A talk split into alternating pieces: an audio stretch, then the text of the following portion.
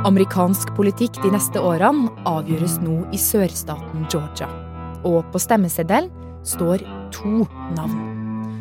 På den ene sida står Raphael Warnock, demokrat og pastor.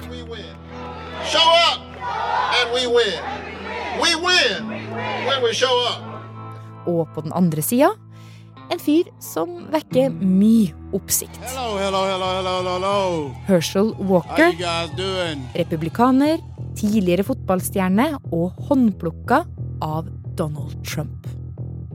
This is the most important election in our lifetime. I'm in a runoff, and I need your help. Utfallet av dette valget er veldig viktig. Eh, Det er to grunner. Det ene er at det bestemmer hva som skjer politisk de neste to årene. Og det andre er at det kan avgjøre hvem som blir presidentkandidater eh, neste gang. Det er fredag 2. desember. Jeg er Marit Eriksdatter Gjelland, og du hører på Forklart fra Aftenposten. I dag med utenriksjournalist Kjetil Hansen. I Georgia nå så eh, ser vi en valgkamp eh, som er utpreget skitten. De eh, nasjonale partiene pøser inn penger. Eh, Disse pengene blir brukt på eh, reklamefilmer. Og de er ganske stygge mot mot kandidaten. Egentlig så handler det heller om å sverte kandidaten fra det andre partiet. For eksempel denne kandidaten blir da fremstilt som konebanker, We see him on TV, but what is he really hiding? Here's what his ex wife had to say. I've tried to keep the way that he acts under wraps for a long time. During their og det er på relativt tynt grunnlag, altså. Den andre kandidaten, han eh, blir fremstilt som en komplett idiot. Because the other night, the other night I was watching this movie. I was watching this movie called Fright Night, Freak Night, or some type of night. But it was about vampires. I don't know if you know vampires are cool people. What the hell is he talking about? Det kan jo også hende at eh, han bare er en litt utrent eh, kandidat, som ikke er en politisk veteran.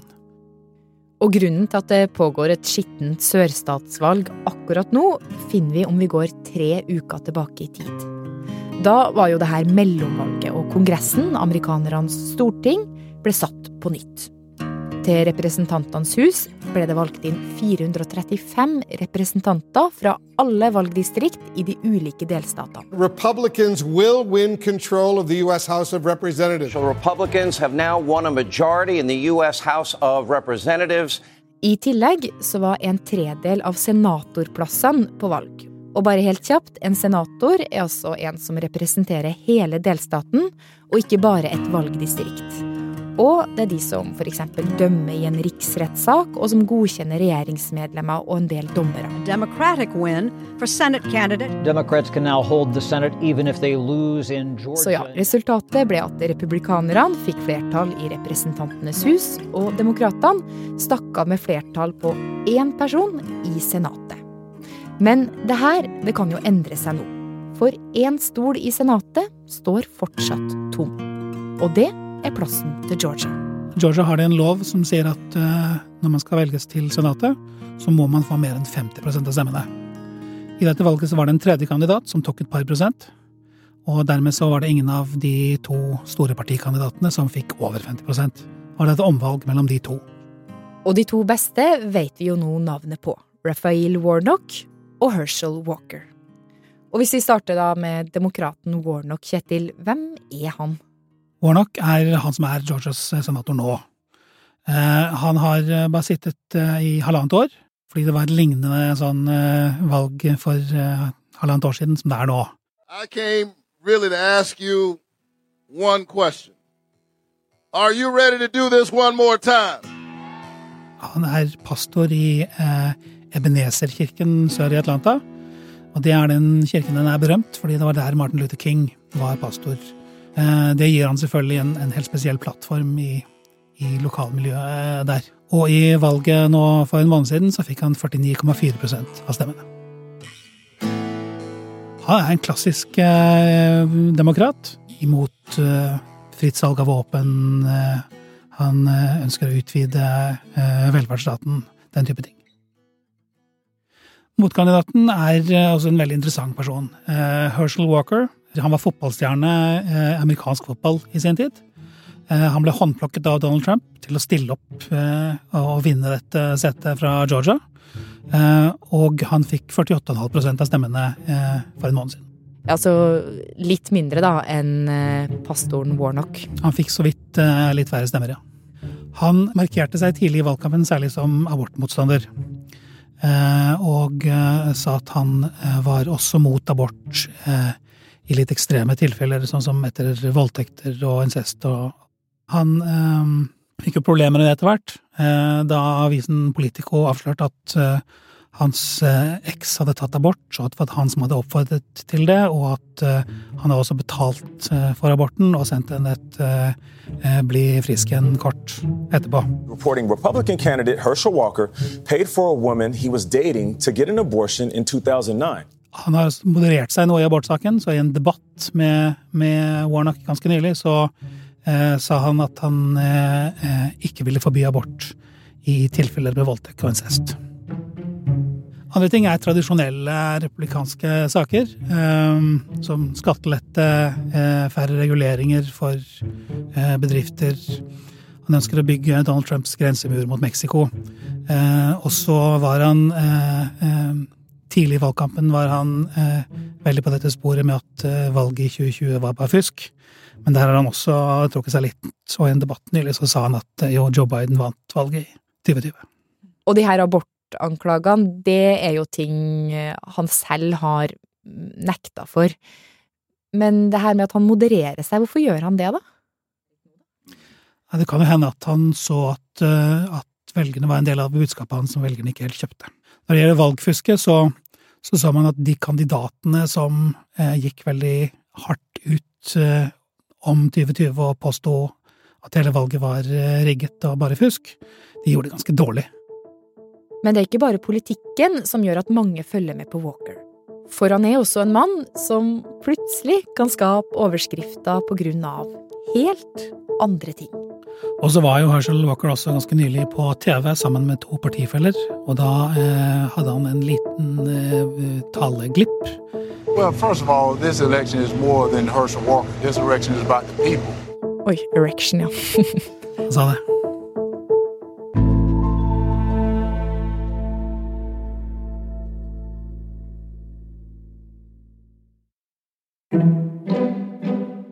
Kjetil, vi slutta jo i stad på ereksjon, men det er jo mer som har prega valgkampen til Walker.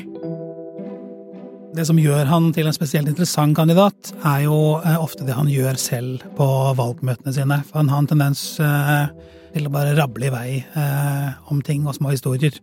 Noe av det mest kjente fra den siste tiden er da han hadde sett henne på TV kvelden før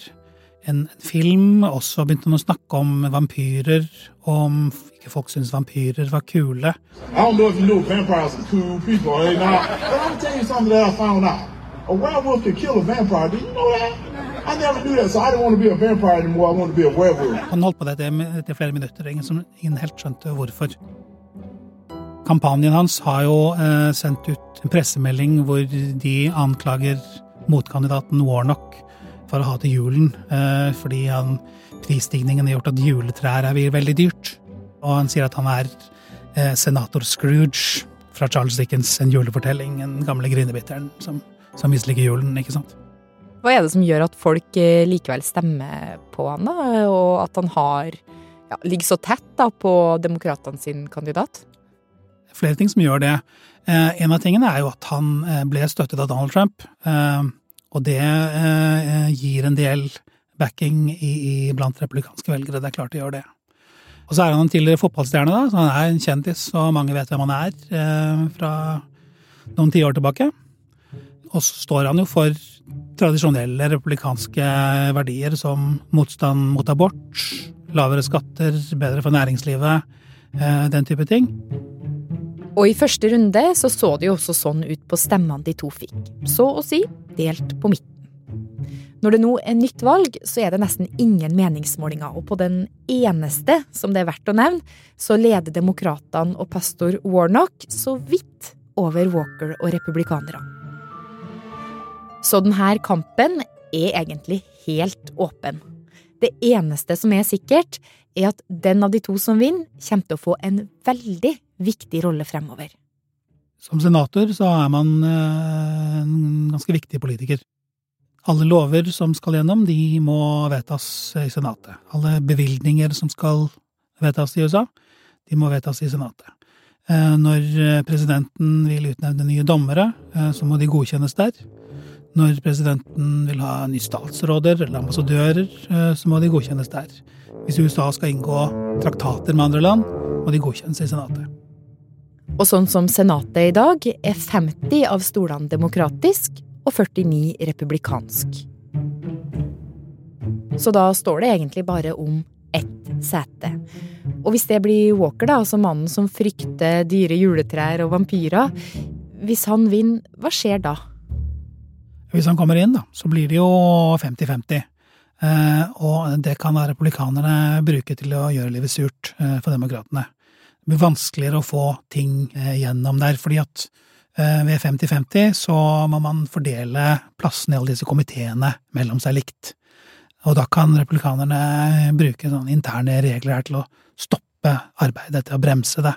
Og det kan hende at demokratene for alt de, må, de vil ha gjennom i Senatet, så må de klare å få saken inn i salen, og så må alle være til stede og stemme, og man må hente inn visepresidenten for å avlegge en ekstra stemme for å bryte uavgjort eh, på 50-50. Ja, ikke sant, for uh, de har fortsatt visepresidenten, så hvis det er 50-50, så har demokratene muligheten til å få flertall likevel, men da kan ingen være bort, ingen være syk. Ja, det er helt riktig. Eh, og da er det jo slik at hvis demokratene nå får 51-49, eh, så kan de bestemme sammensetningen av disse komiteene, og da kan de sette i gang eh, granskninger fra Senatet. Hvis de vil fortsette å granske Donald Trump, for eksempel, eller skattepapirene hans, eller 6. januar, eller hva det måtte være, så kan de bruke det flertallet de har, til å gjøre det. Ja, for det er jo den andre muligheten, at Warnock, altså pastoren fra Demokratene, kommer inn i Senatet. Og det du sier da, er at da blir det veldig komfortabelt for eh, demokratene der. De vil ha mulighet til å få gjennomført mer politikk? Eh, ja, det, det, da vil de ha muligheten til å ha flertall, et ekte flertall i Senatet, eh, og kan få gjennom flere vedtak. Nå vant jo republikanerne flertallet i Representantenes hus, og mange av de sakene som skal gjennom, må vedtas på samme måte i begge disse to kamrene. Så eh, det kan hende at det ikke skjer så fryktelig mye politisk eh, i USA de neste årene. Ja, så håpet om store nye reformer er kanskje ikke så stort uansett hva utfallet blir, da? Nei, det blir ikke det, siden da republikanerne kontrollerer det ene kammeret, og demokratene det andre, så Eh, må man da krysse partigrensene for å få gjennom eh, litt sånn større reformer og store tiltak. Men så er det én ting til Georgia betyr mye for. Og det er kampen om presidentjobben i 2024. Eh, og grunnen til det er jo at Herschel Walker var håndplukket av Donald Trump til å, å stille opp her i Georgia, og til å på en måte stjele tilbake setet fra demokratene. Eh, det gikk jo eh, ikke Kom jo ikke helt i mål med det nå i første runde. Og samtidig så minner det om, om en del som skjedde i de andre valgene nå i dette mellomvalget sist, eh, hvor de kandidatene som var sterkt støttet av Trump, gjorde det dårlig, og de kandidatene som satset alt på å snakke om valgfusk i 2020, de gjorde det dårlig. Og dermed så kan Donald Trumps eh, standing i partiet eh, synke ytterligere hvis også dette valget eh, Hvis også det faller sammen i dette valget. Og siden første runde i det her valget, altså mellomvalget, så har jo Trump nå sagt at han vil stille som presidentkandidat i 2024. Så hvor viktig er folk som Walker for Trump nå fremover? Ja, Donald Trump har jo allerede meldt seg på. Eh, men så er det sånn plutselig at en rekke andre viktige republikanske politikere nå snur seg på muligheten for å stille opp mot ham.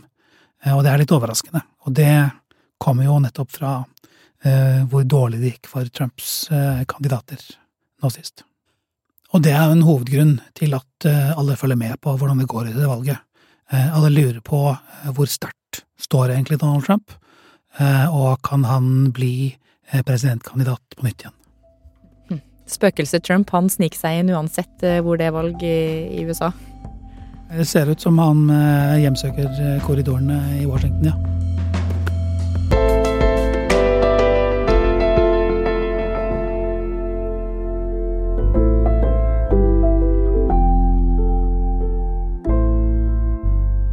Forklart en podkast fra Aftenposten, og utenriksjournalist Kjetil Hansen forklarte hvorfor mange øyne, og kanskje særlig Trump sine, er retta mot Georgia akkurat nå.